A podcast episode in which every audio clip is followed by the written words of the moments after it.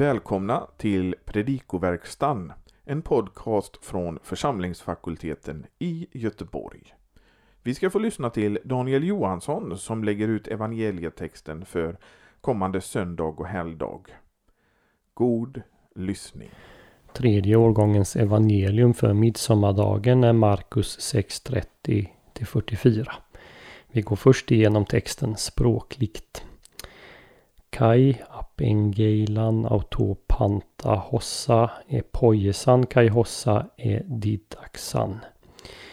Eftersom det är fråga om indirekt tal och epojesan och edidaxan är beroende av ett verb i dåtid, nämligen apengeilan, så översätts epojesan och edidaxan som pluskvarmperfekt.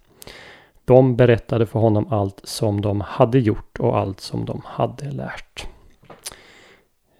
Vi går till vers 31. Hymeis autoi. Autoi används här i betydelsen själv ordagrant. Kom ni själva, för er själva till en öde plats. Det betonas alltså starkt att Jesus och lärjungarna ska vara för sig själva. I vers eh, 32 kan vi lägga märke till att båten har bestämd artikel en tå plojo. Det tyder på att Jesus brukade ha en båt till sitt förfogande. Vers 33. Notera att subjektet till verbet eidon inte är uttalat. Vilket kanske är lite märkligt eftersom föregående vers talar om Jesus och lärjungarna. Men kontexten talar här för att det måste vara frågan om folket. I vers 35 stöter vi på horas poles genomenes. Det är en genitivus absolutus som uttrycker hur sent det blivit. Adjektivet polys har när det används med tid betydelsen sen eller mycket. Det var redan en sen timme. Vers 36 Ti fagosin är indirekt tal som reflekterar frågan folket har Vad ska vi äta? Den ursprungliga frågan tas över i den indirekta frågan Vad ska de äta? I vers 37 så är agorasomen en deliberativ konjunktiv. Ska vi köpa? Denarion diakosion är eh, prisets genitiv för 200 denarer. Alltså efter att ha gått bort ska vi för 200 denarer köpa bröd och ge åt dem att äta. Vi hoppar fram till vers 39. Epetaxen autois anaklinai pantas symposia symposia. Innebörden är att Jesus befaller dem, det vill säga lärjungarna, att göra så att alla, det vill säga hela folket, lägger sig ner till måltid. Det här kommer bäst i Folkbibeln 2015. Verbet anaklinai innebär mer än bara sätta sig på marken. Det handlar om att högtidligt lägga sig till bords för ett symposion. Markus signalerar för grekisk-romerska läsare att det handlar om en högtidlig måltid. För judarna var det dessutom framförallt vid påsken som man låg till bords. Konstruktionen symposia symposia, det vill säga när man dubblerar ett substantiv, innebär en upprepad närvaro av det som eh, substantivet uttrycker. Vi kan översätta i symposia efter symposia eller som det brukar översättas i matlag efter matlag. Likadan konstruktion finns för övrigt i nästa vers. Adjektivet eh, kloros avser grönt, friskt, nytt gräs i kontrast till det torra. I vers 40 kan vi notera att eh, grupper om 150 som nämns har en parallell i hur Moses organiserar folket under ökenvandringen. Se till exempel Andra Mosebok 18, 21 och 25. I 41 ska vi notera uppbyggnaden av satsen. Två particip, labon och anablepsais, ta och se upp, följs av tre verb i indikativ. Evlogesen, kateklassen, edido, emerisen. Välsignade, bröt, gav och delade. I vers 43 kan vi notera att konstruktionen klasmata dodeka kofinnon pleromata är lite komplicerad att översätta. Det troligaste är att man ska ta pleromata, fullhet i pluralis, som apposition till klasmata, brutna stycken. Och att genitiven dodekakofinon, 12 korgar, bestämmer pleromata. I så fall får vi brutna stycken, fullheterna av 12 korgar. Kai apoton ichthyon är en semitism som betyder och en del av fisken. Fokus ligger alltså här på brödet, vilket också framgår av vers 44 som ju bara omnämner just dem. Till sist att bara män nämns kan vara en reflektion av folkräkningen i Israel i till exempel fjärde Mosebok 1. I början av kapitel 6 berättar Markus om hur de tolv sänds ut två och två för att predika, driva ut onda andar och bota sjuka. I ett interludium berättas sedan om Johannes döparens död.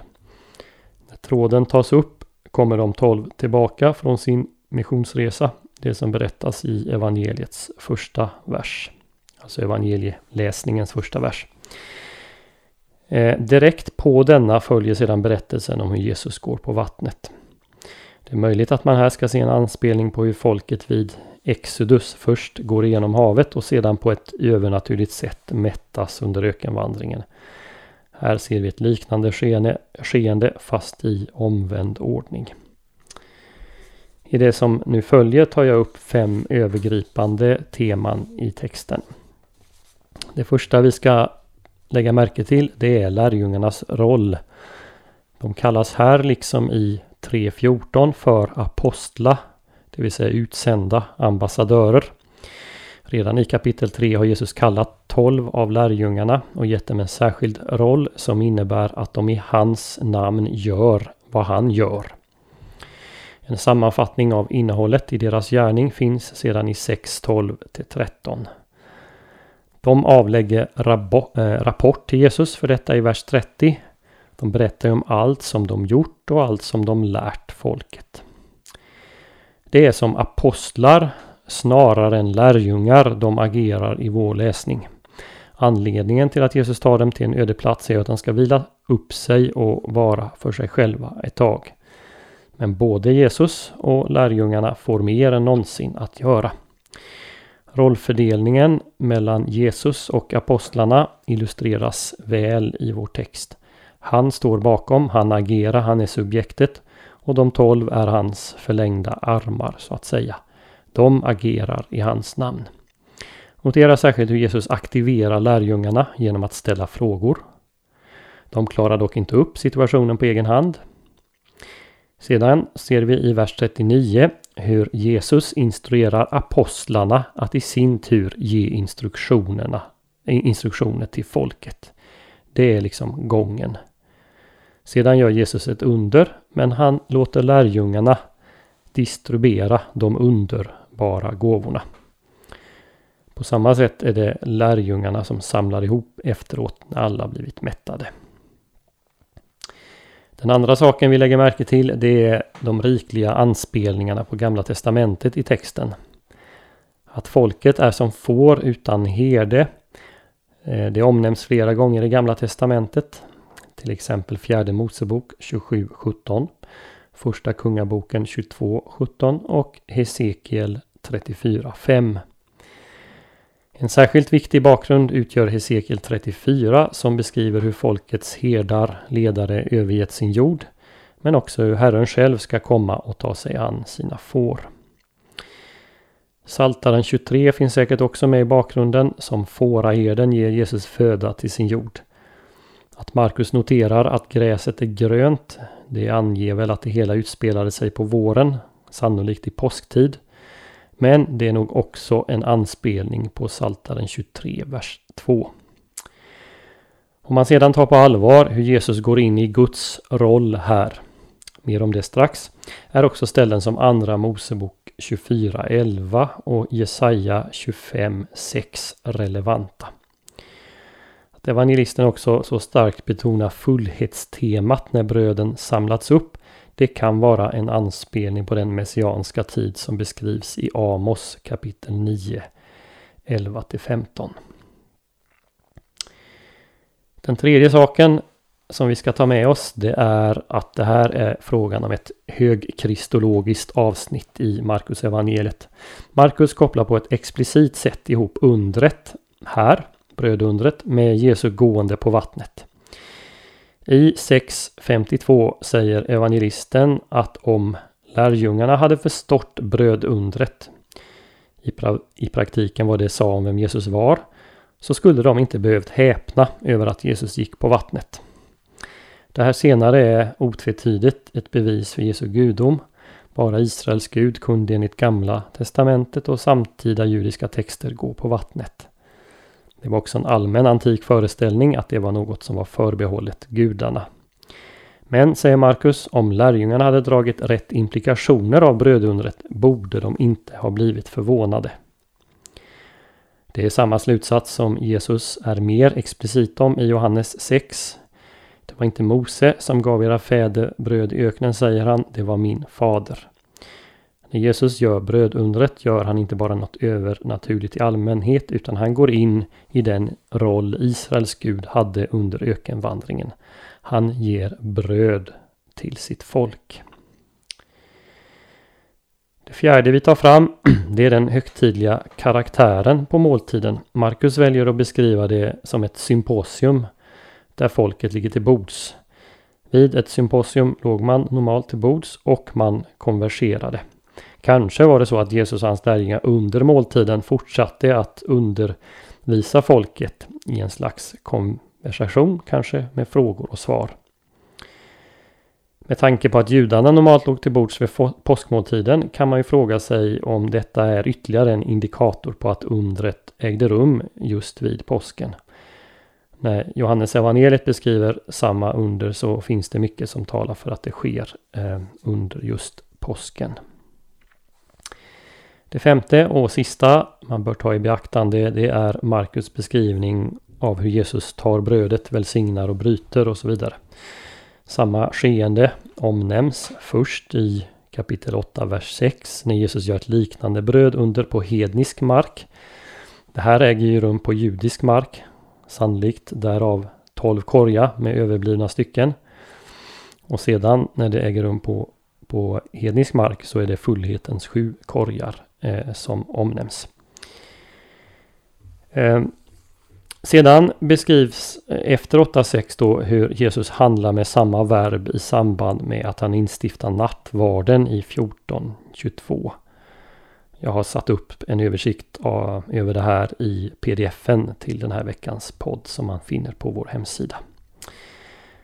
Man kan fråga sig om, om, det, Marcus, om det här är Markus sätt att säga att brödundret är en eukaristisk måltid. Det är möjligen så. Det är åtminstone så att båda brödundren, de för judar och de för hedningar, måste vara en försmak av den eskatologiska måltid eh, som Gamla Testamentet har utlovat. Och på samma sätt är det med nattvarden. Det indikeras explicit i 14, vers 25, 14-25. Alla måltiderna pekar fram emot den dag då Herren, Israels Gud, ska inbjuda alla folk till måltid på Herrens berg. Om det kan vi läsa i Jesaja kapitel 25, vers 6. Du har lyssnat på Predikoverkstan, en podcast från församlingsfakulteten i Göteborg. Är det så att du vill ge ett bidrag till församlingsfakultetens arbete Gör det gärna på Swish. Numret är 123 100 8457. Och så märker man det med FFG Gåva. Numret och andra sätt att ge en gåva till församlingsfakulteten finns på vår hemsida ffg.se.